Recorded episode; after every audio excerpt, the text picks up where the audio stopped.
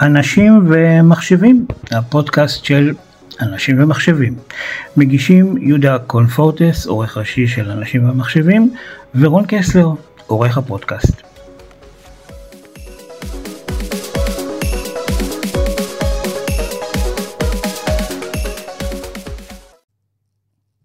שלום לגיא גדניר, מייסד ושותף ומנכ"ל של חברת הסטארט-אפ Journeys, שלום לך. שלום יהודה אהלן, מה נשמע? בסדר גמור. אה, אתה בין הזוכים המאושרים שזכו בתחרות אה, הסטארט-אפים של שם קולר באוניברסיטת תל אביב. קיבלתם 100 אלף דולר, ברכות, מזל טוב. אה, בוא תספר לנו על מה הסטארט-אפ, על מה זכיתם.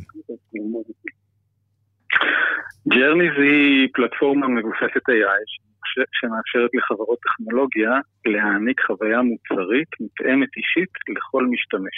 פרט נמק מה זה. וככה... מה, מה, זה, מה זה חוויה, מה שאמרת שלוש המשפטים האחרונים, כן. אתה יודע, אנחנו מה... אה, מהעולם שלנו כצרכנים פרטיים, מה שנקרא קונסיומר, כן. מכירים את המונח פרסונליזציה בכל מדע דיגיטלי. כן.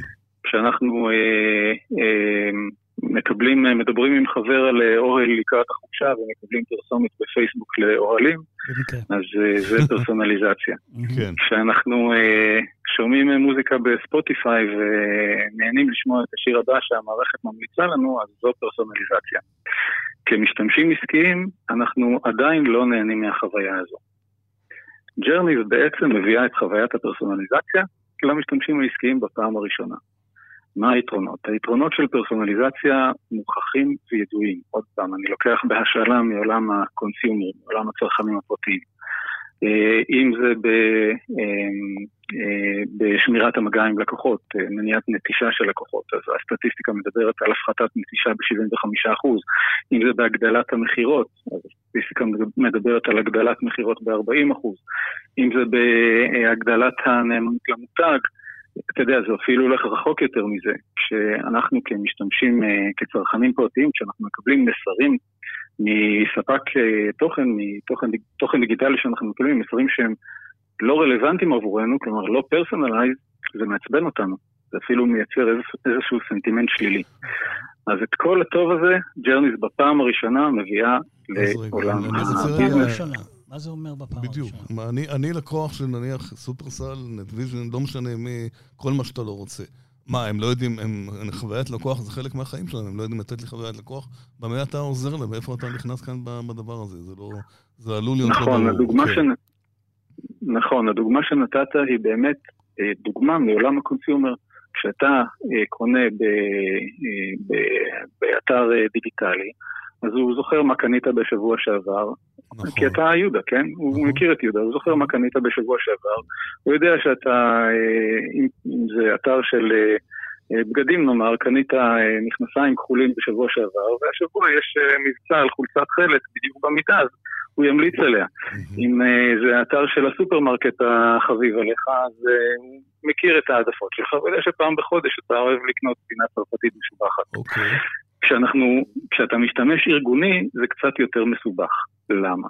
מכיוון שיש כל מיני אנשים בארגון שמשתמשים באותה מערכת. יש את מנהל המערכת שהצרכים שלהם מסוג מסוים, יש את המשתמשים שהצרכים שלהם אחרים והם נמצאים במקומות אחרים מבחינת מיומנות השימוש שלהם במוצר. יש קבוצות שונות בארגון שיכול להיות שהצרכים שלהם מאותו מוצר mm-hmm. הם uh, צרכים שונים.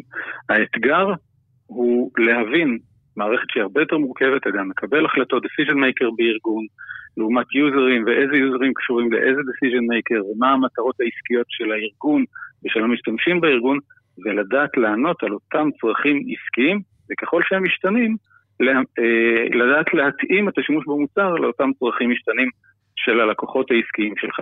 אז ג'רני זה בפעם הראשונה, שוב, ומה מה, מה קורה פה בעצם בפעם הראשונה? אז אנחנו יודעים לזהות בצורה אוטומטית, אנחנו משתמשים ביכולות אה, AI מתקדמות, אה, גם proprietary שלנו וגם אה, יכולות AI שזמינות לקהל הרחב, מה שנקרא Generative AI. אנחנו יודעים לזהות מטרות עסקיות של המשתמשים שלנו, של מגוון משתמשים, ואז יודעים להמליץ בצורה אישית ממש למשתמש קצה על האופן המדויק שעבורו נכון להשתמש במוצר. אז זה הם לא יודעים? מייקרוסופט לא יודעת מה אני משתמש, וסופרסל שולחת לקרוא לו רגע הודעות על כל מיני דברים. אה, תחדד את הנקודה הזאת.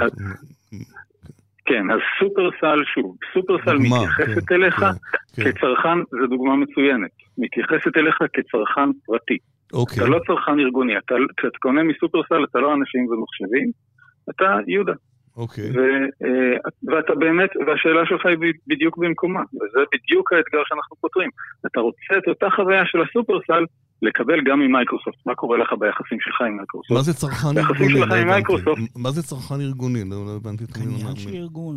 אז כשאתה, אז, אז, אני, אז אני אסביר. כשאתה מול סופרסל, אז אתה יהודה מול סופרסל. כן.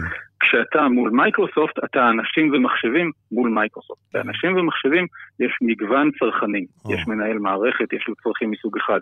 Okay. לך, יהודה, יש צרכים מסוג אחר, נכון? כן. למשל, אתה לא תרצה לקבל מ... מייקרוסופט, נתת את הדוגמה, אה, עדכון שיש מערכת הפעלה חדשה וכדאי שתתקין אותה במחשב שלך, אתה לא יודע מה לעשות עם דבר כזה. הם עושים את לא, זה כל דקה, כל דקה שולחים לי Windows 11, הם לא עוזבים אותי. אז בבקשה, אז כן. בבקשה, אז כן, אז אולי כדאי שאני אדבר איתם, כן. ושהם יתחילו להשתמש בקרנית, אתה מבין, ואמרת. כן. אתה, אתה מבין? אתה אמרת, הם מציקים לי, זה אפילו מייצר סנטימנט שלילי, כן. מכיוון ששולחים לך מסר שהוא לא מדויק לצרכים שלך. אוקיי, הבנתי. איך זה מופיע? זה מה ש Journeys תדע לעשות. כן. זה מופיע בעצם בתהליכי פרסונליזציה שאנחנו רגילים? מה, בבאנרים? איך זה מופיע? הפרסונליזציה היא אה, אה, בסופו של דבר אה, המלצות שימוש במוצר, שהמופע שלנו הוא מופע טקסטואלי, mm-hmm. הוא יכול להגיע בכל, בכל ערוץ טקסטואלי שבו הספק שלך, אם נשמור על הדוגמה הקודמת של מייקרוסופט, שבה מייקרוסופט יוצרת איתך קשר הזה, או במייל, או בתקשורת בתוך האפליקציות שלהם. התקשורת היא תקשורת טקסטואלית. איפה זה אוקיי. עומד, הסטארט-אפ הזה? באיזה מצב? מה... איפה זה... אז יש לנו מוצר ראשוני שנמצא עכשיו אה, בעבודה עם אה, משתמשים ראשונים שנהנים מאוד מהמוצר והפידבק שלהם זה שהם לא ראו דבר כזה אה, קודם ומאוד נהנים להשתמש בו ואנחנו ממשיכים לעבוד במרץ רב על הפיתוח. הבנתי. כן. ואתם די ייחודיים בעולם, אני מבין? אין פתרונות כאלה? למיטב ידיעתכם כמובן. אני מקווה, אני מקווה שגם אחרי השיחה שלנו לא יהיו. כן, אבל נכון לעכשיו... אחרי השיחה אולי כן, אבל כן.